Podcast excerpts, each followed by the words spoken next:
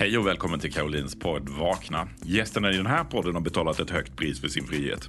De har levt i ett parallellt samhälle med ett eget rättssystem mitt i Sverige, i nutid. För priset du betalar för att lämna Jehovas vittnen, det är förlusten av alla dina vänner, din familj, släkt och hela ditt sociala nät. I de här intervjuerna delar gästerna sin historia om hur det är att leva inne i en parallellvärld. Om smärtan i att förstå att det man trodde var sant inte alls är det. Och om hur du överlever en social misshandel som kanske skulle kunna ha kostat dig livet.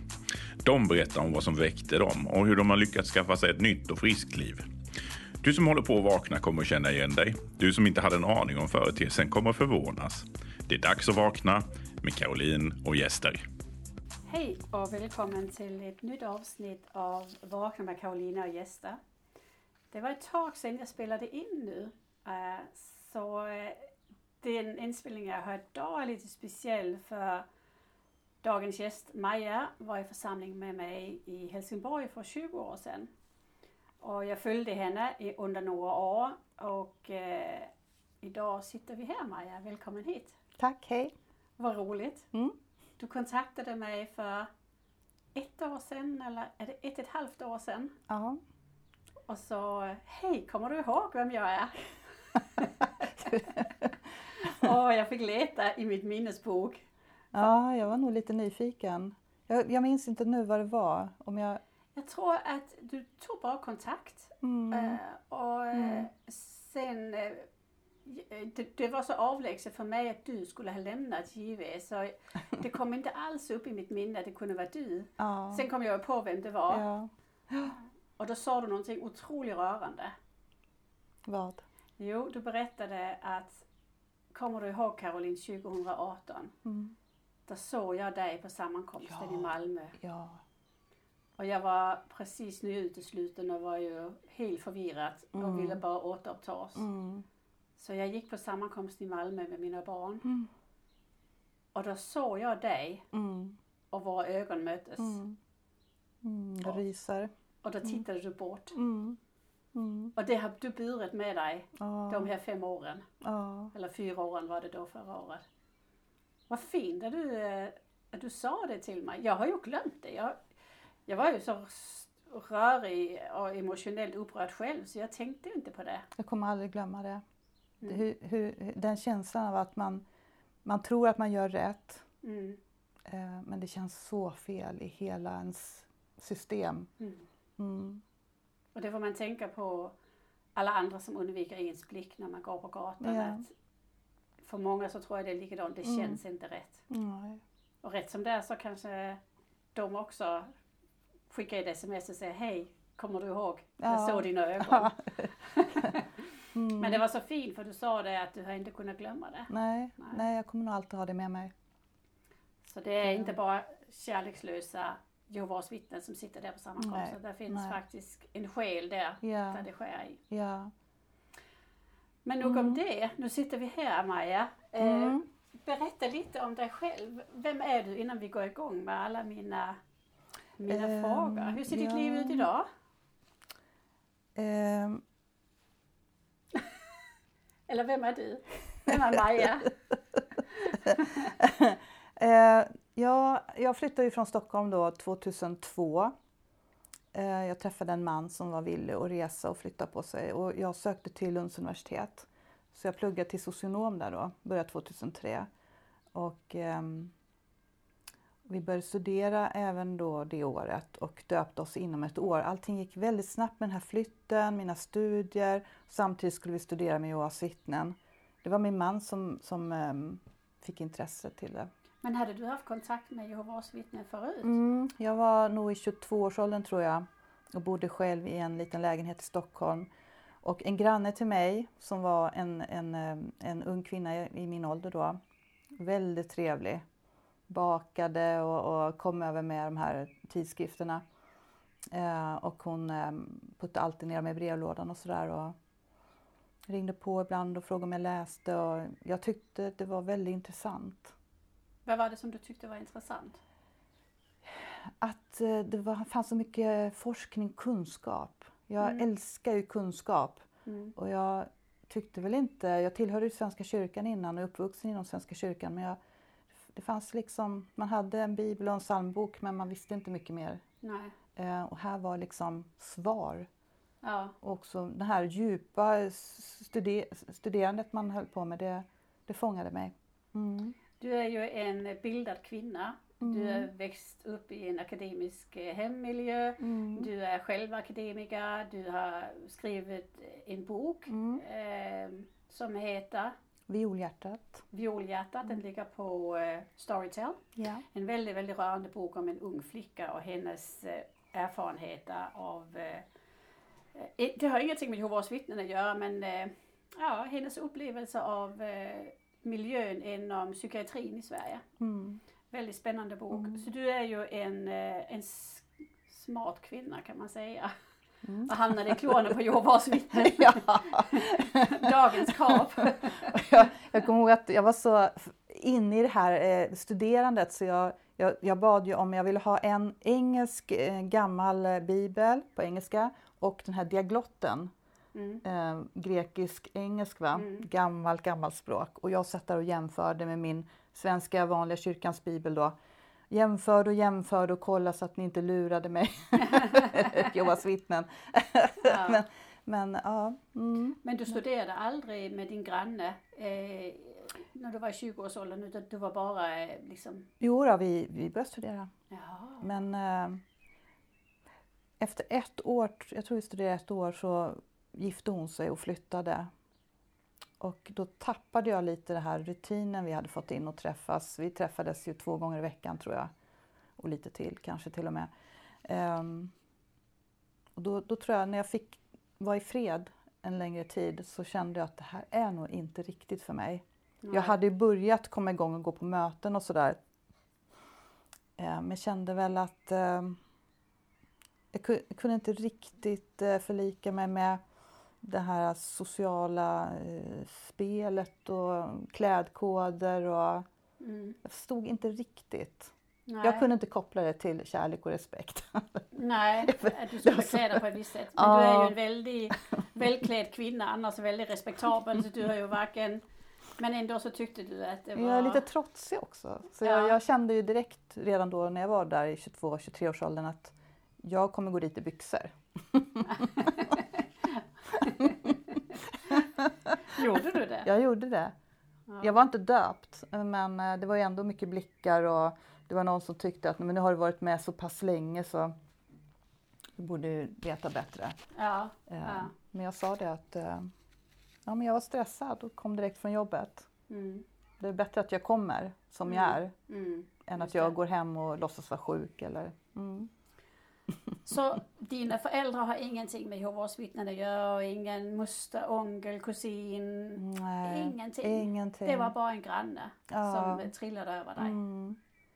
Och sen släppte du det med Mm, grannen mm. och vad hände då? Ja, det gick några år. Eh, Jag studerade lite grann. Jag studerade till mentalsköterska, jobbade lite inom psykosvården och så träffade jag min man då. Mm. Och, ehm, vi funderade väl på framtiden och så. Han var villig att flytta och jag ville plugga vidare. Mm. Så blev det Skåne. Mm. Skåne, och vad hände i Skåne? Vi kom ju ner då eh, och ehm, jag började plugga ganska omgående och jag vet att han eh, rotade i flyttkartongerna medan jag var på universitetet på dagarna. Och när jag kom hem en dag så hade han eh, hittat böcker, litteratur från Jehovas vittnen. Jättemånga tidningar och böcker. Och han hade börjat bläddra i dem där och läst lite och han frågade mig vad är det här för någonting? Eh, och hur förklarar man allt detta? Jag sa bara, det är sanningen. Mm. Oj då. Ja, fastän jag inte var intresserad så sa jag Nej. bara, det är sanningen. Ehm, och han blev så jätteintresserad av detta. Ehm, så sa han, kan man få studera med de här vittnena då? Ja, sa jag, jag är inte ett dugg intresserad men jag kan, jag kan ge dig något telefonnummer då till församlingen här nere. Mm. Så fixade jag det till honom och han ringde. Eh, och då var det ett par direkt som kom hem till oss och började studera då med min man. Mm. Eh, och de studerade nog ett par månader utan mig. Mm. Jag var verkligen inte intresserad.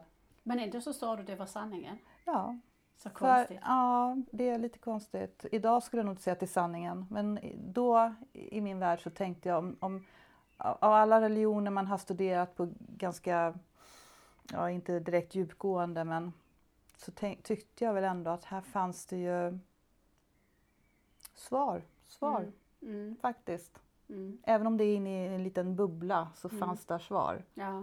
Eh, som, ja, det var mycket som var sant också. Så din man, han, var ni gifta då? Eller Mm, ni, ni var mm. gifta? Vi är gifta. Ehm, Så han, han fortsatte med, med studierna. ja. Och eh, när Mm. kom du då in i det? ja, då börjar de ju liksom, eh, ska du inte vara med på fika bara och kan du inte vara med och bara lyssna och sådär. Och så efter ett par månader då så var jag med och fika och lärde känna det här paret då som studerar med min man. Ehm, sen var jag fast i studier igen. För det är, det är ganska intressant. Åtminstone när man lär sig någonting nytt. Ja, ja eh, precis tycker jag att det är kul. Ja. Det är jätteroligt. Det var Mm. pionjärpar som studerade med. Ja. Ja, jag vet vem det är. De är ju väldigt, ehm, väldigt omfamnande och Mm. trevliga. Mm. Så det är väldigt Mm. lätt att tycka om dem. Och, Mm, mm. Så tänkte jag faktiskt också, jag, jag vet inte, usch det låter lite slukt kanske, men jag, min man hade ju ett alkoholmissbruk bakom sig mm. och han var nykter när vi gifte oss. Men eh, man vet ju inte hur länge, alltså det finns återfall, det är ganska vanligt och det visste jag ju. Så jag kände faktiskt att okej, han vill så gärna in i detta och jag tror att det här kan vara bra för honom att ha strikta rutiner omkring sig och regler och ehm, kontroll. Mm. Eh, och jag kände att, eh, ja, why not? Ja, Han behöver det. det. ja, just det. Han höll sig nykter i tio år. Ja, det är ju... Och det, det var liksom det här, så får man inte göra. Nej. Ehm, Mm. Och det var ju bra för dig också. ja, det, Ja. absolut. Så, Det gav mig en viss eh, trygghet. Mm. så man kan säga i början så var det eh, positivt för er med att Jehovas vittnen kom in i ert liv. Ja, ja. Och hur, hur skred det framåt då? Ja, så vi döpte oss eh, då bara efter ett års studier. Och, eh, men jag, jag, min man han var ju så duktig. Han kom in i församlingen ganska så mycket bättre än jag gjorde med det här sociala. Och eh, jag, jag tror jag, jag, jag kom inte riktigt in i det och det har väl mycket med att göra att jag inte blev ett Jehovas vittne utifrån 100% egen vilja. Jag var inte riktigt med. Mm. Eh, Jag hade ett motstånd kring det här med mm, alla mötena och tjänsten och, och alla koder och regler. Och Mm. jag hade jättesvårt. Jag kämpade med det i, ja vi var ju kvar 20 år. Ja, just det. Mm. Så eh, ni, eh, ni eh, var i Helsingborgsförsamlingen, det var då Mm. vi var i samma församling. Mm. Ni började också heltidstjänsten. Tror inte det. Jag tror Ja. faktiskt inte vi gjorde det. Ja, Nej. nej, nej. nej. Okej, Vi så ni har aldrig varit pionjär? Jo, eh, i året i Spanien. Vi flyttade till Spanien 2014. Det Ja. året var vi pionjärer. Ah. Men Innan dess har vi, nej, Nej, det var ni inte. vi låg på medel. Okej, så det tuffar på. Din man är, liksom håller sig från flaskan. Ja. Och Mm. ni får ett bra liv tillsammans. Ja, hyfsat bra faktiskt. Flytta runt lite mycket kanske och eh, bytte olika församlingar. Men vi kommer ju alltid tillbaka till Helsingborg. Mm. För det var ju ändå ja, hemförsamlingen, Mm. lite tryggare. Mm. Mm. Och vad, eh, hur, hur såg karriären ut i församlingen? Eh, För du, nu du, du hade, var du med i teokratiska skolan? Och de Nej, aldrig. Nej. Jag har ju, det har ju varit en kamp för mig också att förklara för äldstebröder varför jag inte räcker upp handen och svarar på frågor, varför jag inte vågar gå i tjänsten så mycket, varför jag inte är med i skolan. Ehm, eh, men ehm, jag kunde inte svara riktigt på det på den tiden. Idag kan jag svara. Ja, Men, vad eh, var det som var anledningen? För du är ju ganska så verbal kvinna. Ja. Skriva böcker och Ja. välutbildad. Ja, i skolan pratar jag jättemycket. Ja. Och på praktikplatser och jobb. Och Eh, jag blev hämmad. Så fort vi kom in i rikesal blev jag hämmad och jag vågade inte säga det här till någon för att eh, jag tänkte väl åt andra. Jag tänkte att om jag säger som det är så kanske de säger att, att det är demoniskt eller att jag är andligt svag eller um, jag var rädd för det, att bli dömd. Men vad var det som kunde vara demoniskt? Att jag kände så fort jag kom in i byggnaden att det var, uh, alltså jag blev illamående och äcklad och jag kände uh, att um, det var så falskt. Jag, jag, jag kände uh, falskhet, att det var ett spel. Mm. Jag tyckte jag såg igenom människor. Um, alla var så väldigt uh, glada och vänliga och kärleksfulla. Ibland så när jag tittade till på någon så kunde jag se otrolig smärta, sorg i blicken eller ensamhet eller, eller bara trötthet. Uh, jag tittade på barn. Uh, eftersom jag också är utbildad inom barnbehandling så iakttog jag ofta barn eh, fanns de som sprang runt och lekte och sådär men det fanns också barn som eh, såg väldigt eh, hålögda ut. Mm. Alltså jag kunde nästan sitta i bilen och gråta innan vi gick in på rikessal. Mm. Eh, och min man sa alltid, men kom igen nu, det börjar nu, sången börjar nu. Mm. Alltså jag klarar inte det här, jag klarar inte det. Nej. Det är inte som det ska. Nej. Hur snabbt kom det? Eh, alltså det kom ju redan vid dopet. Så att eh, mm, det kom ju direkt nästan från början. Mm. Jag, jag, är ju sån själv och jag är väldigt eh, eh, autentisk. Mm. Eh, och jag har problem i mitt eh, liv, har alltid haft problem i mitt liv med det här eh, spelandet eller att människor säger någonting och jag känner under till att det är något annat. Mm. Jag är högkänslig. Ja, ja precis. Högkänslig. Mm. Och, det, eh, och det är klart det kan vara väldigt svårt att hantera. Dels i miljö med så många människor mm. samlade mm. och där det också finns eh, rätt och fel. Mm. mm. Eh, man ska mm. hälsa på alla. Eh, och där finns en, eh, det är ganska rudimentärt hur man ska bete sig i församlingen. Och hur man ska svara på frågor. Allting är ganska styrt. Mm det fanns inte så mycket utrymme för att vara då äkta eller sig själv. Jag vet min man, han var ju sån, jag vet inte om du kommer ihåg honom, han räckte alltid upp handen och bara eh, prata rakt ut mm, ja, ja, ja. om vårt privatliv och sådär. Och det kände jag ju också, det kan han ju inte göra här. Ser Nej. han inte vilken, vilken miljö vi är i? Alla svarar på samma sätt, samma tonart, exakt efter meningen i, liksom i, i tidskriften. och han bara Bå! så här. så jag skämdes också. Ja. Och, det, och det blev konstigt i mig, det blev en konflikt inuti mig för att jag vill ju att det ska vara äkta. Ja. Han var äkta, som ett barn. Och ändå skämdes jag för att jag visste att miljön vi var i kanske dömde ut honom för att vara eh, ja, lite efter, eller som ett barn eller mm. Han var ju väldigt nykär. Han var ju en av de här mm. nyfrälsta Jehovas vittnen som ska rädda hela världen och predika för alla. Och jag kommer ihåg jag, jag studerade med hans syster och ja, ja. Äh, alla skulle med och så vidare. Så äh, det är ju lite charmigt på sitt sätt. Mm. Ähm, men det är klart, det kan vara jobbigt för dig också. Mm. Ja. Så hur länge höll det här på? Liksom, hur, Uh, Vad hände? För nu sitter du ju här. ja, ja, nu ska vi se. Nej men det här, det här fortgick ju. Uh, och min kamp med att gå på möten och inte gå på möten um, fortsatte då i 20 år. Sen så beslöt vi oss för att um, flytta till Spanien under ett år. Mm. och, um, Varför skulle ni flytta till Spanien? Ja, men min man var väldigt rastlös. Vi har flyttat runt mycket i Skåne och renoverat hus och byggt hus och mycket rastlös.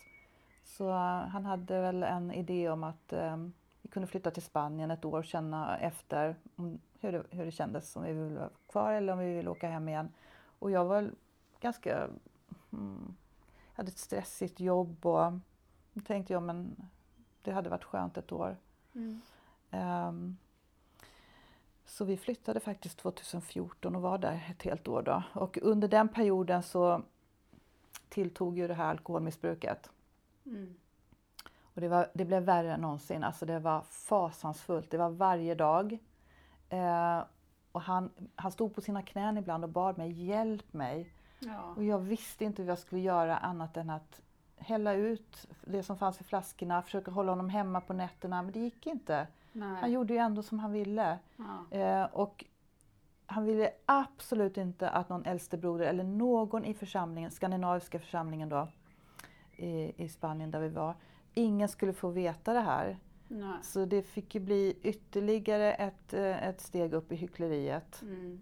Och jag, jag, alltså jag mådde så dåligt. Jag grät, alltså jag grät dygnet runt. Mm.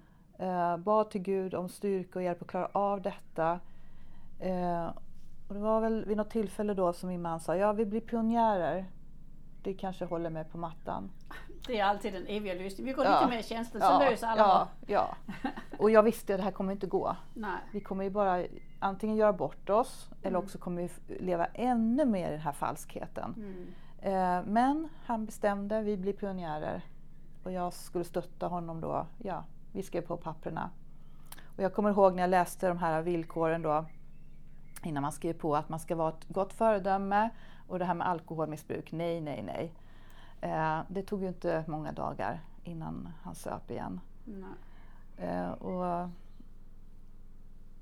alltså det var så fruktansvärt att liksom ge sitt allt till Gud eh, och spela det här spelet.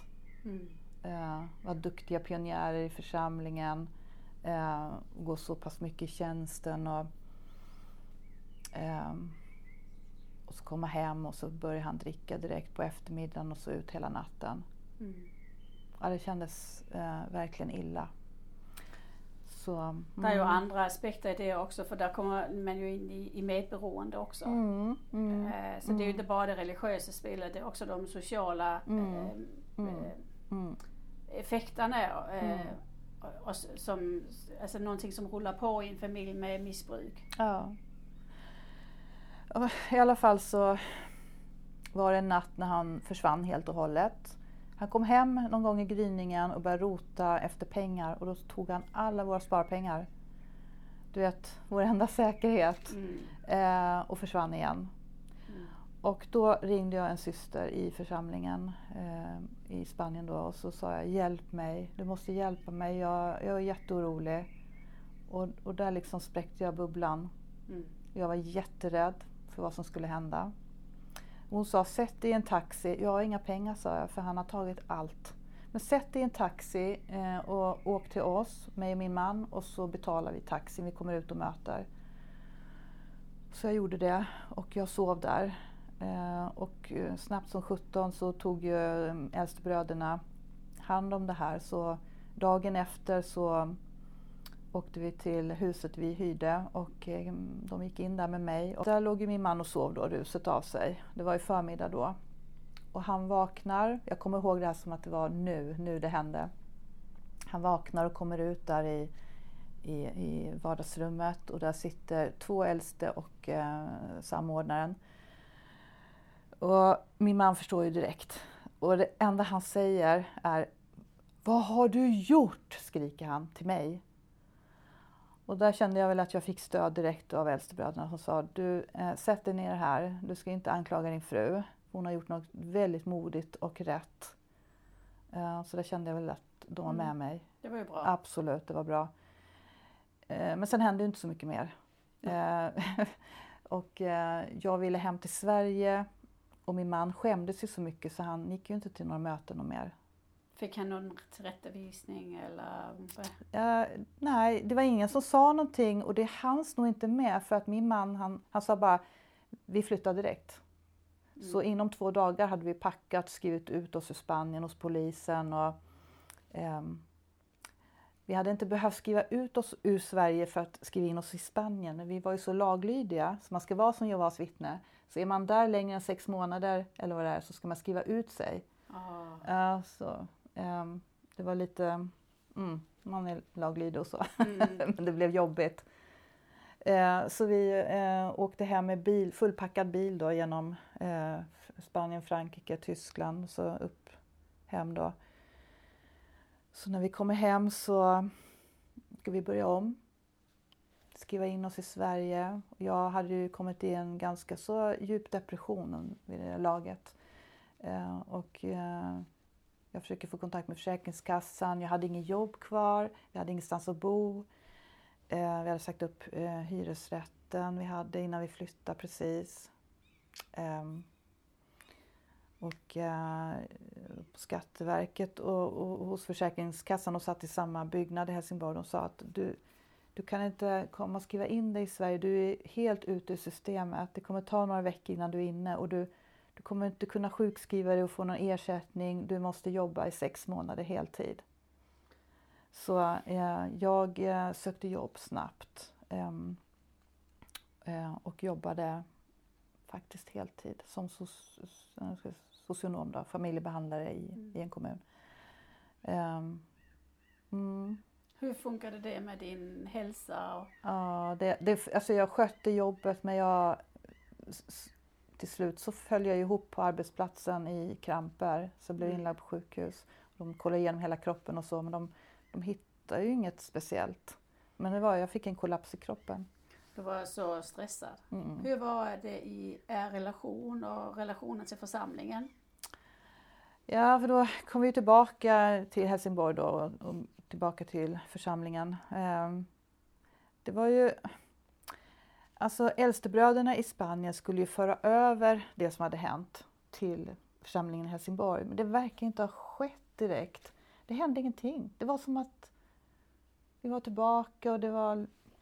Det hände ingenting. Det var Nej. ingen som tog tag i det. Så att det här spel, sociala spelet fortsatte. Men när eh. folk frågade varför kom ni hem? Vad hände? Vad sa ni då? Jehovas vittnen är så nyfikna.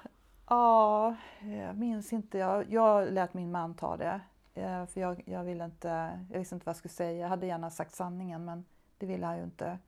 Mm. Uh, jag minns faktiskt inte vad han sa. Jag höll mig så mycket borta från det där som möjligt. Mm. Jag var väldigt tyst i församlingen. Jag har alltid varit det. Ja. Jag har aldrig umgås med någon heller. Jag har liksom inte mm, kommit in någonstans. Nej.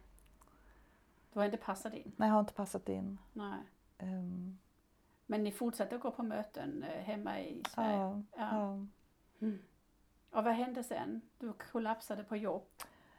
Ja, eh, då kollapsade jag ju på jobbet och blev sjukskriven och um, och din mans missbruk fortsatte under den här tiden? Ja, han, eh, då, var han, då hade han blivit lite mer perioder så han, han kunde vara nykter liksom någon månad i taget och så var det igång igen och, och, och så har det varit sedan dess då. Um, Fick han någon typ av, eh, kunde du liksom få igenom, du måste gå i behandling? Nej, eller? nej, nej, nej, nej, nej, det sånt tror han inte på. Absolut inte. Nej, okay. Så jag är ju utbildad, jag hade kunnat hjälpa honom med jättemånga kontakter. Men ja. det, nej, han har inga problem. Nej, nej, okay. Det som var i Spanien, det var som ett mörkt moln bara som, bara, det stänger vi ner och pratar aldrig om. Nej, okay. Han kan fortfarande inte prata om det än idag, nej. vad som hände egentligen. Nej, um, nej så vi, eh, nej men jag var sjukskriven och sen började jag jobba lite halvtid eller lite deltid och gick upp i halvtid men jag mådde inte bra. Och jag fick en psykolog på vårdcentralen. Men det kändes inte det kändes inte så jättebra så jag började leta efter en egen kontakt. Eh, och jag kände väl, eftersom jag kan lite om sådana här behandlingsmetoder och så, så visste jag vad jag behövde och jag behövde någonting väldigt intensivt. Så jag fick tag i en psykoanalytiker som jag kunde se fyra dagar i veckan. Wow! På egen bekostnad. Det var en rejäl behandling. Ja, och där går jag fortfarande. Det har jag gått hela sju år nu. Wow! Mm. eh, och det här var ju ingenting som min man eh, ehm, stödde. Nej. Eh, och det, han sa ingenting till någon i församlingen utan det här var hemligt. Men det var ju en jättekamp för mig och, och jag kände att jag måste göra det här för mig själv. Jag går under, jag måste göra det här. Så vi beslöt att ha skild ekonomi för han ville inte sponsra det här. Mm. Eh, och jag blev ju starkare lite i taget kanske var det han var rädd för, jag vet inte. Mm. Men jag... Man kan säga att jag... Kanske det, själva uppvaknandet blev kanske i Spanien men, men sen fortsatte det med psykoanalysen mm. Eh, och att jag blev så pass mycket starkare. Mm. Så stark att jag eh, orkade skriva den här boken då, Violhjärtat. Mm. När skrev den, du den? Eh, 2019 tror jag. 2020 gavs den ut. Var det några och, i församlingen som visste om att du skrev eh, den här boken om din... De visste inte om att jag skrev den men jag vet när jag hade releasen, bokreleasen, då kom det några vittnen. Mm. Mm. Mm. Så, mm. Ja. Så eh, du liksom började att bygga upp dig själv genom att skaffa egen ekonomi. Så hur kändes det att få din egen ekonomi? Ja, det var en befrielse. Ehm, eftersom min man hade det här, ehm, ja, sin problematik och mm, med, med, med att slösa på pengar och, och ha lite svårt att hålla i pengar så hade jag ju aldrig en krona på fickan. Under alla år som jag jobbade så kunde jag ju aldrig gå med ut och äta middag till exempel med, med arbetskamrater. Nej. Inte ens gå på fik. Jag hade inga, aldrig pengar. Jag hade inte ens en krona på mig. Eh, all lön gick till liksom Supporta. Ja, hemmet och mat och allting och, som han bestämde att vi skulle göra och ha. Eh, så att det här var första gången som jag fick behålla mina egna pengar och mm, Då blev Det- du ganska så välstående plötsligt. ja, ja. Ja. Mm. Och vad, vad gjorde du sen? Eh, Hur blev förhållandet till församlingen? När du började att stärka upp dig själv och... jag gick faktiskt mindre och mindre på mötena. Jag tror att det, hade, det var ett litet frö som var sått. Eh, att jag kommer nog dra mig mer och mer undan för jag, jag mår ju inte bra av det. Alltså jag har ju sån ångest. Det kommer ju upp i psykoanalysen också. Man, man får ju sån ångest av att jag, vara i ett sammanhang där du verkligen inte trivs. Mm. Och att man tvingar sig till det. Mm. Eh, Det sätter igång så mycket stress i kroppen. Och eftersom jag hade så, sån värk i kroppen och i mitt hjärta och, och läkarna hade sagt att ehm, sluta med den här inre stressen. Jo, men vad är den inre stressen? Jo, det är hans, min mans alkoholmissbruk, men det är också det här äh, församlingen och mötena. Det, det tar så, det är enormt mycket tid som, som krävs av att vara ett vittne. Mm. Det är, ju, det är möten, det är studier, det är tjänsten. Eh, mm. Så, Så det var som, eh, du, du var pressad från två håll. mm, mm, Både mm. eh, hemmet och församlingen. mm. Kunde du berätta det på, för dina kollegor? Vågade du berätta för din psykoanalytiker ärligt? Så här är det. Ja, till min, till min psykoanalytiker vågade jag men på jobb har jag aldrig berättat att jag är ett vittne. Därför att eh, som socionom eh, inom socialtjänsten så eh, är det lite speciellt. Ehm, det är s- jag vet inte hur jag ska säga det men alltså, det finns ju ett ganska stort klientel som är Jehovas vittnen. Mm. Det är större än vad man eh, kan kanske tro. Jag vet inte, Mm. jag kan inte säga några siffror sådär men de är välkända. välkända. Är det med, med liksom familjer som skiljer sig och blir utesluten eller? Ja, det är våld i hemmet och missbruk och Alltså det finns, det finns sånt här i de här, men det såg man inte på mötena. Där, det, så som man känner folk genom att se dem på mötena uppklädda och väldigt goa och glada. Och sen finns det ändå rätt mycket problem. Mm. Ja, och det har vi ju sett i, i alla de här pedofiliskandaler. Mm, Och mm, även i Jenny Kuttems bok mm. när hon eh, pratar med svenska familjer i församlingarna och Mm. hur de här extrem, det, det är ju verkligen ytterligheten av eh, hemmiljö som hon beskriver och som hon intervjuar i den boken. mm, mm. Men det är fasansfullt att det ska Ja, försiggå i församlingen. Och jag kände ju också att jag, jag kan inte försvara min tro. Och mina kollegor pratar med mig om, om eh, hur kan du vara ett vittne och jobba inom socialtjänsten. Jag kände själv, nej det är inte klokt. Nej. Jag kan inte försvara det, men jag känner att jag sitter fast. Och det är klart, det är ju en väldig inre strid. Ja.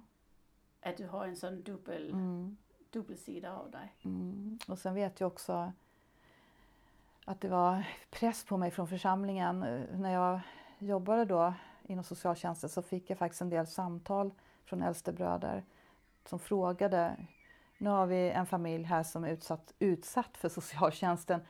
Hur tycker du? Hur tänker du? Skulle du kunna tänka dig att prata med den här familjen? Och det kan jag ju inte göra. Det vore Nej. ju ett jätteregelbrott. Då får jag ju sparken. Det kan jag ju inte göra. Gå in och göra en egen liten utredning. Eller, den ena äldste brodern sa, ja, men hur, hur, ska, hur ska den här familjen tänka så att de inte tar barnen ifrån dem? Ja. Och jag kände bara, jag fixar inte det här. Nej. Jag tyckte, ja men det är väl en utredare som bestämmer. Om de ser att det är våld i familjen och inget görs, ta barnen Mm. tillfälligt om det är Mm. så. Mm. Det är ju alltså så knasigt att jag skulle bli utnyttjad helt plötsligt. Först, först så fick jag ju under min utbildning höra att ja, men vad ska du plugga för på universitetet, satsa på det här istället, satsa på tjänsten och, eh, och så socionom av alla jobb också. Sen när man väl jobbade inom det yrket då, fick man, då var det tvärtom, då skulle man hjälpa till. Mm. Ja, jättemärkligt. Mycket, mycket konstigt. Mycket konstigt. Men vad, eh, hur länge kunde du hålla på så här? Eh, fan, 17, ja. ja. Jag gick inte på mötena till slut ju. Vi flyttade ju vi flyttade till hus eh, igen, ännu en flytt 2017. Eh, och där blev jag heltidssjukskriven faktiskt. Eh, fortsatte min psykoanalys, eh, gick inte på mötena nästan aldrig. Och min man, det var ju lite så att jag har ju alltid varit hans stöttepelare. Så när inte jag gick på mötena, då gick ju inte han på mötena. Och det gjorde mig, jag fick jättemycket skuldkänslor. Jättemycket skuldkänslor. Mm. Och det är ju egentligen, det är väldigt intressant för det här med ett medberoende, att man Mm. tar, Mm, man tar ansvaret mm, för mm, ens partners beteende. mm, Både drickande men också mm. hur de sköter sig Mm, i, på arbete Ja, och i sociala förhållanden, Ja. allting. Det är ju ett medberoende Ja. som, ja, helt sjukt. Så de sista eh, 2018, 19, han hade sina perioder när han drack. Vi gick inte på mötena längre, nästan aldrig. Ehm,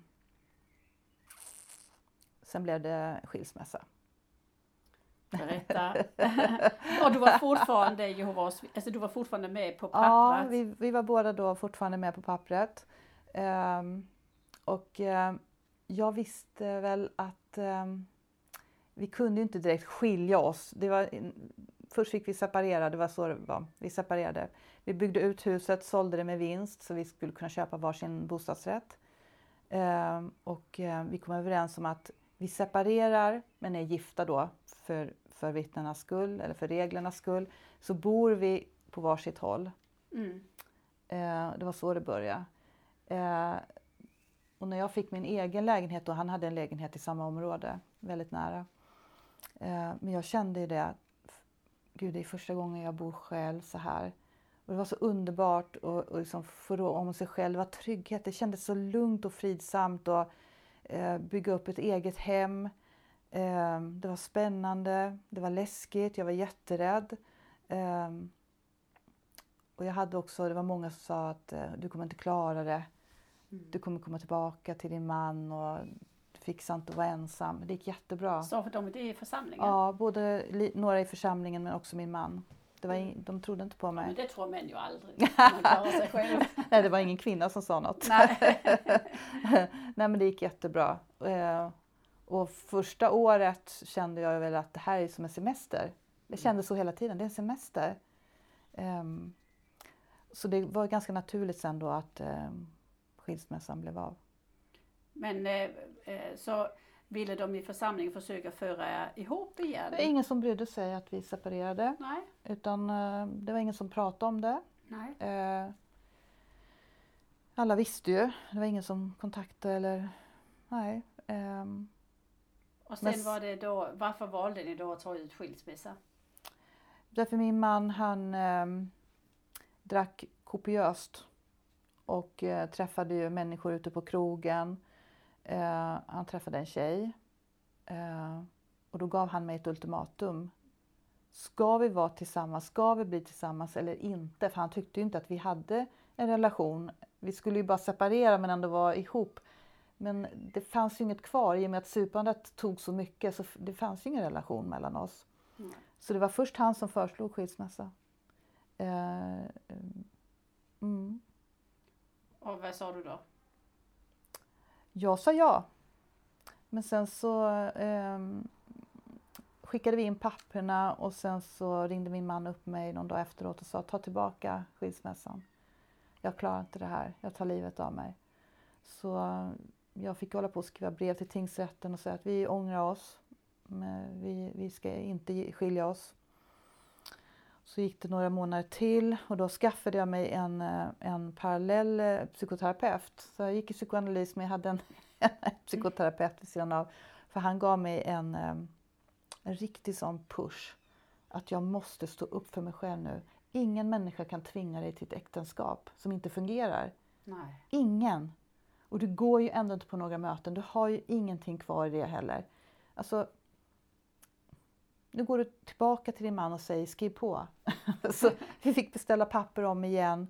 Eh, och eh, vid det laget var ju, var ju min man så, alltså han, han var så nedsupen och hade faktiskt förhållande med en tjej så han, han skrev på till slut. Okej. Och eh, jag vet precis då när, vi, när skilsmässan var igång, eh, då var ju några äldstebröder som ringde min man i alla fall och pratade med honom om hur vi hade det och sådär. Och de visste hur vi hade separerat och då, då var det som att det gick rykten och då började, då började de liksom bli nyfikna och, och kan vi rädda det här? Mm. Eh, och jag vet när skilsmässan faktiskt redan var igång, vi hade skickat in papper och, och det tar ju några veckor innan det blir klart på tingsrätten. Då var det faktiskt en, en äldste som ringde mig och sa Men varför kan ni inte, jag har ett förslag, varför kan ni inte separera? Ja, men, vi har ju levt separerade i ett halvår. Mm. Det funkar inte. Nej. Ska vi leva så här hela livet då? Att vara, att vara gifta men leva separerat och inte ens umgås? Nej. Vad, vad är det för mening med det? Vad svarar de på det? Eh, nej men då kom det här då att ja, men du ska veta att ni kan ju inte träffa någon ny. Då får du leva i ensamhet hela livet. Och, Mm. och jag, alltså jag fattar ju inte sånt. Jag Nej. tänkte bara, nej men vad snackar du om? Jag lever som jag vill. Ja. Kommer här och, hotar med ensamhet. men ja, mm, så, så gick det till. Det är ju bedrövligt att man är, hänger fast vid en sån partner och äktenskapet var helt över. Mm, Och ändå så måste man ja. vara kvar Ja. i den partnern. Ja. Och de pratade om någon sex, vad hette det? De sa till mig, sexintyg. Får ni skriva ett sexintyg? Bara, det låter ju helt sjukt. Jag började googla på det och så såg jag i andra församlingar eh, hade gått till så att man, man skriver, ja, vad var det för något? Det var så konstigt. Alltså man ska betyga om att man inte har sex med någon Mm. annan. Ja. Alltså så märkligt, varför ska Ja. man behöva göra det? Nej. Alltså det kändes så sjukt, Ja. Så snuskigt. Ja, väl, alltså så, ja, så Invaderande. snuskigt. Väldigt invaderande. Men eh, din, din man hade ju redan, Ja, men jag, liksom- jag kallar inte på honom. Eh, och han är ju en sån som inte säger ett knyst. nej, Så att, eh, mm. nej. Men, men eh, vad hände sen? Ni skilde er och Mm. du skrev du under det där sexintyget? Nej, jag skickade aldrig in någonting. Jag gjorde inte det. Jag, Nej, det jag, jag lät det vara bara. Ja, det är Jag väldigt bara- inkränkande. Jag, jag skrev att eh, lämna mig i fred nu, respektera det. Mm. Eh, och de har aldrig hört av sig igen. Men du är inte ett Jehovas vittne längre? Nej, nej. Jag skrev ut mig själv. Du skrev ut dig? Mm. När gjorde du det? I samband med skilsmässan. Ja. Mm. Hur kändes det när du skrev ut dig? Ehm, ja, men jag kände mig vuxen. Var det många som kontaktade dig? Nej. Jag hade ju inte varit så... Jag har alltid hållit alla vännerna på ett avstånd. Mm. Så det var ju ett par kanske som hörde av sig. Men det var inte... Jag kände att det var, det var inte direkt någon kärlek. Nej, Nej. de ville ha dig tillbaka i församlingen Ja. men inte dig Nej. för den du är. Nej. Nej. Inte Maja för Maja. Nej. Mm. Det kändes. Och hur länge Så. sedan är det? Mm, ska vi se. Ja men det är bara ett år sedan. Mm. Mm. Och nu sitter du här. Ja. Du var verkligen redo när du skrev ut dig så var du verkligen redo. Ja. Jag tror det var i samband med det att du skrev till mig. Eh, då tror jag precis du hade läst upp. Eller du hade precis skickat in det. Mm. För, vet du en sak? Jag tänker så här att eh, jag har ju inte den här svårigheten som många andra får gå igenom att man, att man eh, förlorar familj och barn och, och, och det här sociala och man har nära vänner och så. Jag har ju inte haft det. Men ändå så kände jag mig väldigt sådär liten på jorden. det kändes som att eh, de, jag menar, tänk hela det här lagren av, av eh, regler och styrning och kontroll. När det bara försvinner så känns det lite poröst. Ja. Mm. Och det var då jag kontaktade dig. Ja. För du var ändå, jag, vet, jag kommer ihåg dig, hur du var i församlingen. Mm. Jag, jag såg ju liksom upp till dig. Eh, jag tänkte, du, du kunde alltid svara så bra på frågorna och du var så beläst och, och du vet. Eh, jag kände väl att du var en trygghet på något sätt, bara genom den du, jag kommer ihåg att du var. Mm. Mm. Det var jättekul att du kontaktade Mm. mig. Ja. Och, men hur klarade du då första, eh, hur har du klarat det här första året? Vad har du gjort? Eh, jag... ehm, ja, vad har jag gjort? Alltså, För man kan säga enligt, om jag bara ska inflika, vi har inte pratat om din barndom, men mm, du har inte kontakt så mycket med din familj. Du, ni är ganska så spridda. Du har din syster du har kontakt med, Mm. men i övrigt har du inte så där, den här jättefamiljekärnan. Så det är inte dem du faller tillbaka på. Nej. JW är borta. Så Ja. liksom, vad, hur har du gjort nu? Du var ju ensam. det är bara analysen, fyra dagar i veckan. Ja. Eh, och då, har, då ligger tiden liksom, han har lagt tiden mitt på dagen. Så Mm. det blir det här, man går upp på morgonen, man eh, går ut med katten en promenad, så måste man liksom börja tänka på att göra sig i ordning. Eh, Mm. Och så ska man iväg dit, eh, vara där och åka hem. Så man kommer hem på eftermiddagen trött, jättetrött. Eh, psykiskt eh, jobbigt att, gå i analys också. det är inget jätteupplyftande alltid. Eh, så jag tror att jag på ett sätt har det hjälpt mig att, Mm. att eh, stadga mig som ha den ensam. strukturen. Ja. Mm. Har, du, har du liksom utforskat nya intressen, nya människor, Mm. nya vänner? Mm. Faktiskt så fick jag ju kontakt med mina barndomsvänner. Mm. Så de har jag ju jättenära kontakt med. Eh, jag gjorde min första ensamma resa faktiskt till USA. Mm. Mm. Jag träffade en av mina gamla barndomsvänner. Och det, jag har aldrig rest själv så att, eh, det var spännande. Så du började liksom att ta, smaka på livet? Ja, ja absolut. Var det direkt efter skilsmässa och uteslutning? Ja. Ja. Och, och, och jag, ehm, det här med högtider är jättesvårt för mig. ja. Jättesvårt att aldrig ha kunnat... Alltså man, jag hade ju inte firat någonting på 22 år. Mm. Ehm, och jag visste inte riktigt... Det är inte bara att man vet hur, vad man ska köpa in, granar och kulor och allting, utan man ska ju hänga med liksom i känslolivet också. Man gör ju inte bara saker för sakens skull. Så det var lite... Det var jobbigt, det var en kamp. Vill jag, vill jag inte, hur gör jag, känns, hur känns det? Så jag bestämde mig för då förra julen att ehm, åka med katten, katten och jag ensamma till en herrgård i um, Mellansverige och fira tre dagar jul där, all inclusive. och då var det en riktig sån här jul som man ser på tv, alltså en riktig drömjul på riktigt.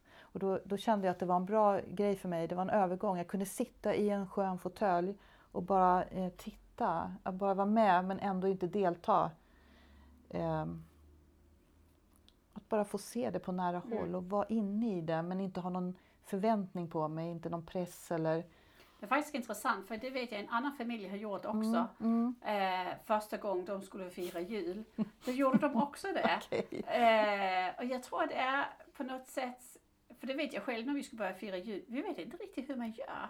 Du har ju växt upp med jul, Ja. men, men för många av oss andra har Ja. vi ju inte ens växt upp med det. Nej, Så vad, liksom, hur är känslan Mm, och vad mm. är det som man ska Mm, göra? Mm, Eh, Så jag tror det är en jättebra idé. ja, Att, att åka dit och, och ja. vara, men inte behöva vara med så mycket.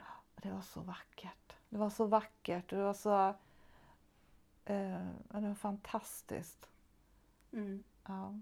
Hur känns det med skuld och skam och Jehova och Harmagedon-skräck och, och allt det här nu när du börjar att leva ett liv som alla andra människor?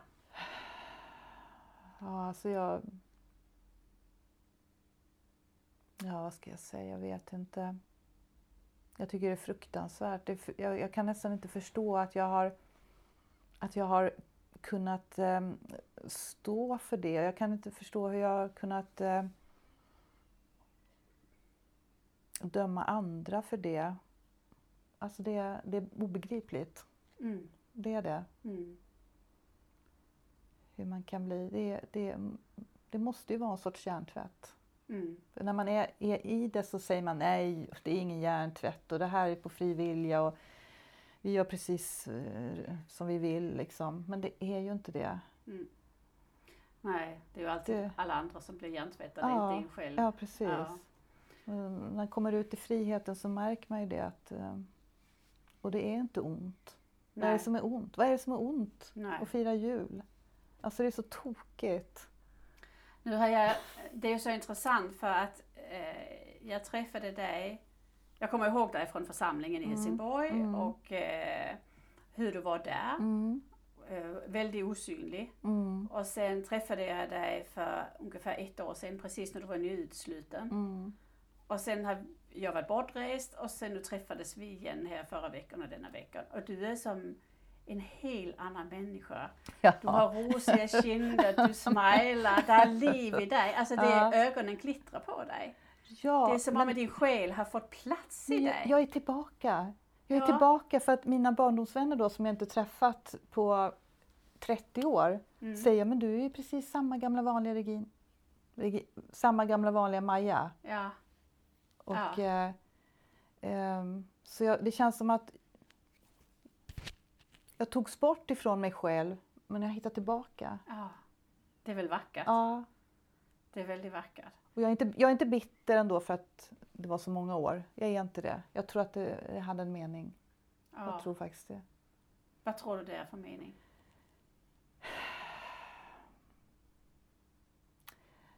Ja, men det är lite som du pratade om det här med medberoende. Att jag har, hela den här resan har ju handlat om det. Eh, att jag hela mitt liv har, har liksom eh, fått kontrollera då eh, omgivningen för att eh, känna mig trygg, kontrollera min man och passa upp på honom, aldrig säga emot, eh, lyda, eh, vara underdånig. Eh, och eh, jag tror själva det här eh, konceptet Jehovas vittnen eh, hjälpte till i det.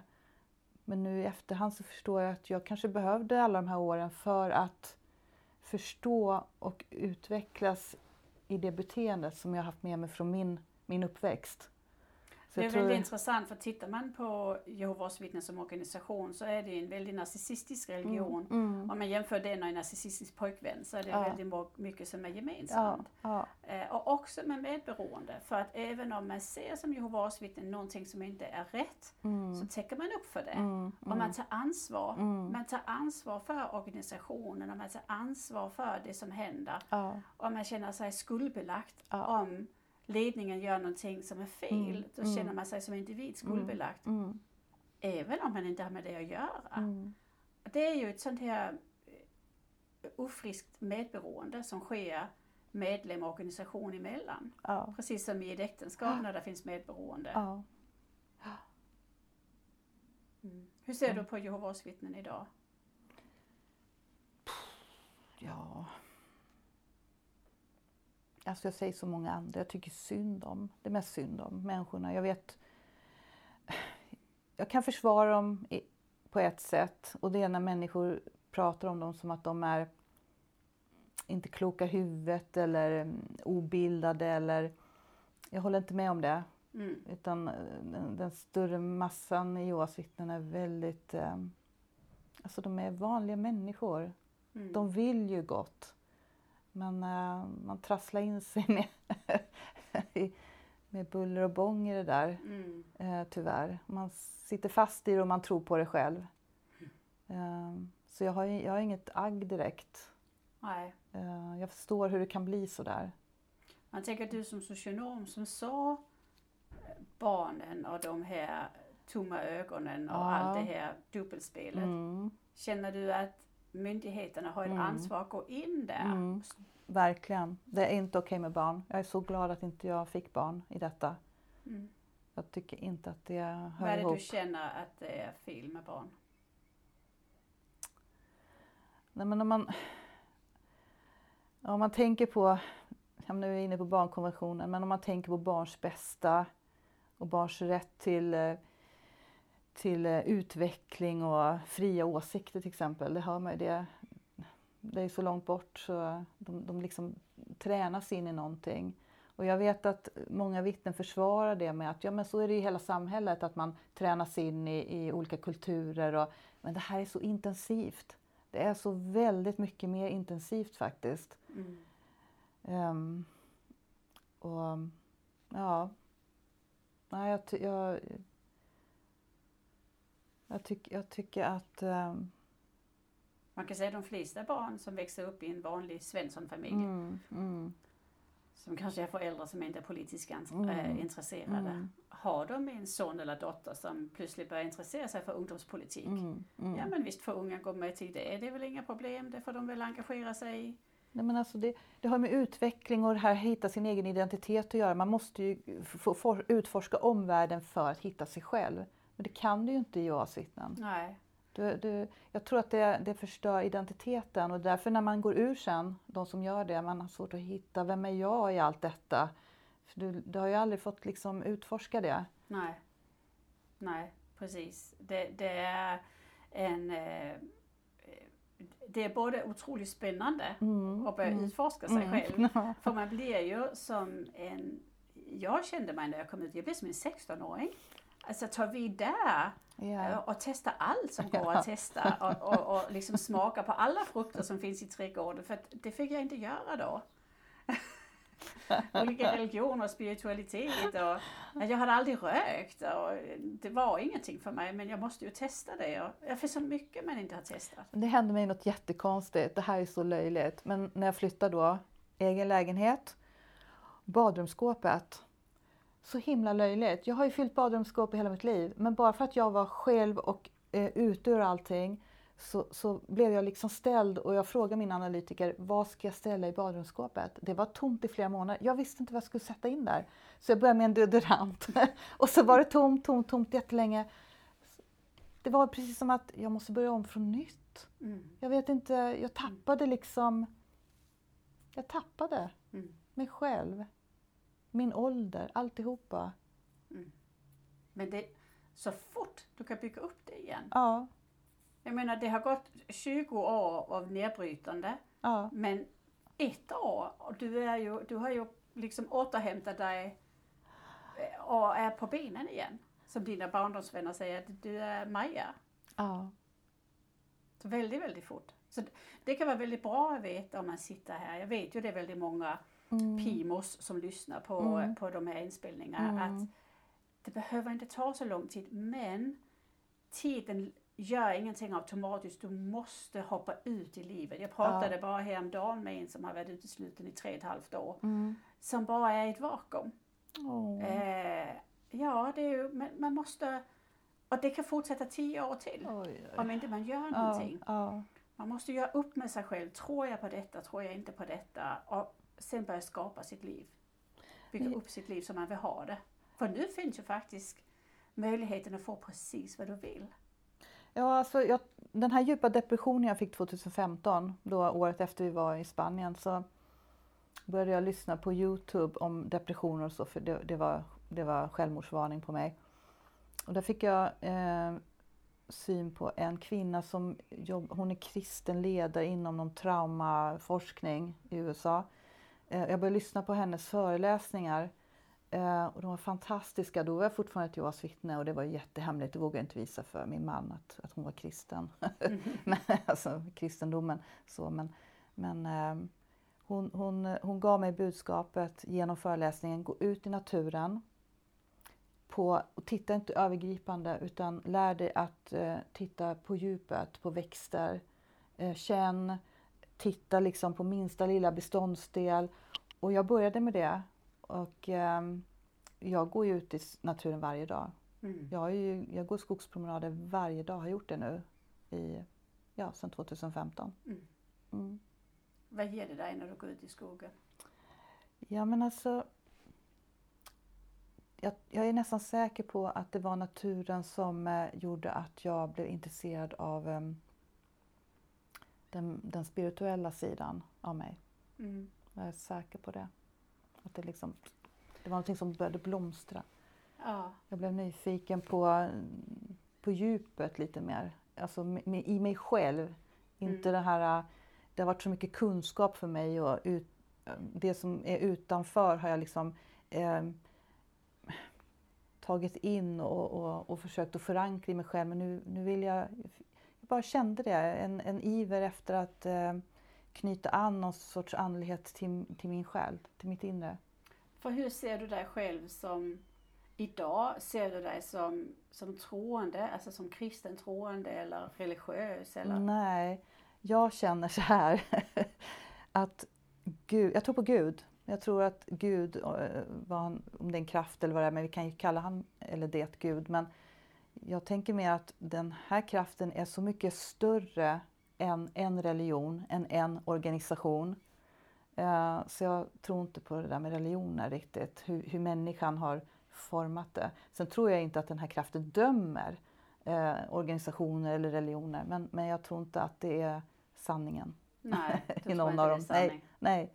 Vad tror du att, eh, tror du det finns någon sanning då? Eh, svårt. Jo, men det, det tror jag nog. Men den är så mycket större än vad, vad man kan sätta ord på. Eller, Vad Men det- tror du är sanningen?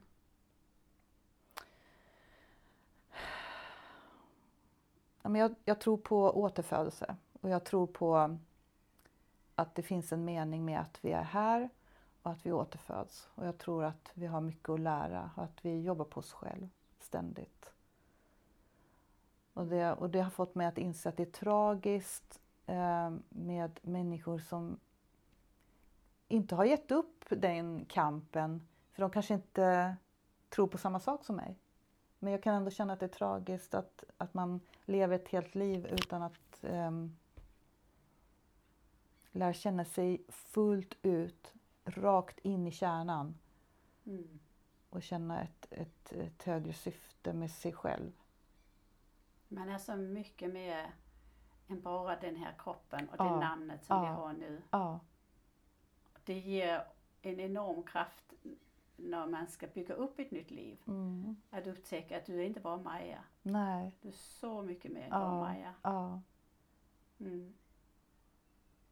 Det är nog en av de djupa sakerna jag också har eh, upptäckt. Sen tycker jag det är väldigt vackert att, eh, att friheten, att folk får faktiskt ha vilken livsåskådning man vill. Eh, eller hur? Ja, att eh, eh, man kan tro på det ena eller det andra Mm, eller tredje mm, eller man kan mm. tro på ingenting. Mm, mm, Men jag tycker det vackra är att man får vara precis som man är. mm. Tror du att du ska dö imorgon och det inte är någonting? Ja men bara sug ut allting du kan av livet nu då. Liv 100 procent. Ja, För är det inte det det egentligen handlar om att vi är här på jorden och vi ska värma oss i solen och vi ska smaka choklad och vi ska dricka god vin och vi ska Mm. äta god mat. mm, mm, Vi ska titta på allt det gröna Mm, och vackra och mm, upptäcka mm, hela jorden. mm, Det är det mm. det handlar om. ja, Sen om man tror att man ska födas igen eller inte, det spelar inte så stor roll. Och man behöver inte omvända någon, det tycker jag också är befriande. Jag behöver inte övertyga någon om att tycka samma som mig. Utan jag kan med nyfikenheten fråga en till mig, hur tänker du då? Hur känns det? Och det var ju int- intressant. ja, nej Mm. jag håller med, verkligen. Mm. Mm. Ja, om nu där är någon, för jag vet att det är väldigt många helsingborgare som lyssnar på den här Mm. podden, Mm. Som är i församlingen fortfarande. Mm. Och vissa kanske känner igen Mm. eh, din, eh, din Mm. röst Mm, och mm. lite av din berättelse. Mm. Eh, vissa kanske också har läst din bok Violhjärtat Mm. som jag absolut kan rekommendera. En otroligt varm och vacker bok. S- vad skulle du vilja säga till dem? Det var svårt. Ehm. Nej, jag, har, jag, har, eh, jag har inte så mycket att säga annat än... eh, Alltså riktigt, från hjärtat så vill jag tacka för eh, hjälpen jag fick när jag kom hem från Spanien. Jag fick lite hjälp Fint. av ett par ja, Mm. som beredde bostad åt mig ett tag Mm. tills jag kom på fötter igen. Mm. Det, det är väl det jag har. Jag har, jag har liksom ingen... Jag har ingen... Eh, jag vill inte komma med någon pekpinne heller. Jag Nej. har inget agg. Mm. Eh, däremot det här med barn, det är, det är ett, a- ett kapitel för sig Mm. faktiskt. Men du kan hälsa till dem och säga att du har det mycket, mycket bra. Jag har det mycket, mycket bra. Och du är lycklig. ja, Ja. ja, och jag är ju som du säger eh, mig själv igen. Eh, och så som alla som har känt mig utanför församlingen, att jag är sprudlande, skrattig, eh, pratar mycket, eh, social människa, vilket ingen trodde i församlingen. Nej. Jag har eh, eh, en, förra veckan hade vi ju besök av Rita Bordenstein Mm. som jag också intervjuade i podcasten i mina tidigare avsnitt. Mm. För att hon gör ett arbete där hon hjälper människor att connecta med sig själv. Mm. En, eh, en fantastisk arbete hon gör för att man kan med traumatiska upplevelser eller bara inte vara i kontakt med sig själv helt enkelt. Man känner att eh, jag är ingen hemma. Ja. Och då kan hon liksom eh, connecta kroppen med sig själv. Ja, ja. Eh, och det är väldigt, väldigt spännande arbete. Och jag kan, tänka, jag kan nästan se det på dig att du är connectad. Ja. Du har liksom kommit hem.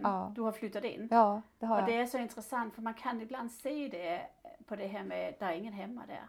Nej. Och det kan du faktiskt se, Mm. inte bara Jehovas vittnen på andra Mm, ställen också, mm, men man kan mm. gå in på en rikets sal och titta när man har en tråkig föreläsning. Folk har liksom checkat ut. Absolut, De är absolut. inte där. Man, det är många som dissocierar. Ja, De är Ja. på någon annan planet. man tunar liksom ut under en tid där. Precis som min katt som sitter vid bordet och tunar ut. Eh, men, men livet handlar ju om, och det har jag också först upplevt nu, att vara här Ja. just nu. Ja, ja, Man ska absolut. vara, när man tittar ut genom ögonen, då ska jag vara hemma. ja. Och det ska Ja. vara intressant och spännande och stimulerande och vackert. Men- Jo, men nu kom jag på en sak, det här med vad man vill säga till församlingen. Eh, Men jag tänker då egentligen över hela världen. Alltså, ska de fortsätta så här som de gör eh, med sin organisation och det här reglementet och allt vad det är. Att man kanske skulle ha någon, någon, någon i varje församling som är väldigt kunnig i eh, psykiatri till exempel. Mm. Eller hur? Mm. Jag tycker, eller miss, och missbruk. Alltså, det Mm. känns som att det fattas stort. Att de här människorna som går igenom svåra saker, de är lämnade till sig själv. Mm. Mm. Mycket. Mm. Jag förstår inte vad gott det gör att lämna de här människorna. I sina, Nej, och framförallt så blir de ju ofta uteslutna, så blir de i princip slängd på gatan. det, alltså det är så Och fruktansvärt. det är väldigt hjärtlöst. Man kan Det- säga hur mycket, man- kan inte ens säga ont när en missbrukare gör någonting, för de är ju inte riktigt hemma, de är ju inte riktigt där. Eh, men det är ju hjälp som behövs, inte eh, uteslutning. Det är väl det jag kände kanske under alla åren också att det här är ju lite, om man får vara lite generell så, att det är väl en, det kändes så i alla fall att det var lite en organisation för elit. Mm. Om man, om man känner själv att man har psykisk ohälsa eller missbruk i, i, sin nära omgivning så var det någonting som pff, inte pratades om. Nej, det är mycket fasad. Mm, Och ändå så finns det ju högt representerat mm, i Absolut. församlingen. ja, Men mm, ingenting man pratar om. nej, mm. Nej Maja, Mm. känner du dig nöjd? Har du fått sagt vad du vill säga? Ja, ja. Jag vill tacka djupt av hela mitt hjärta du vill vara med och dela din berättelse. tack, tack. Bara ett år efter uteslutningen.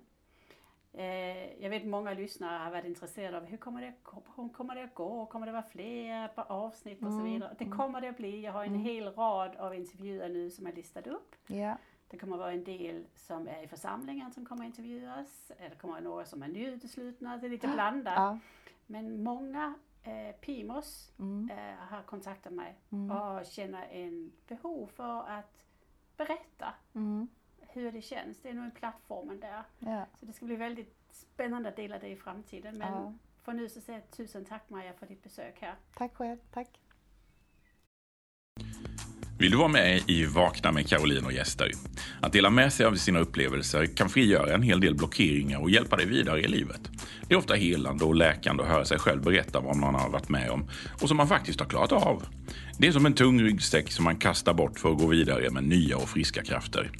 Besök reject.com och anmäl ditt intresse om du vill vara med. Knappa in r-eject.com e, reject.com. Du är varmt välkommen.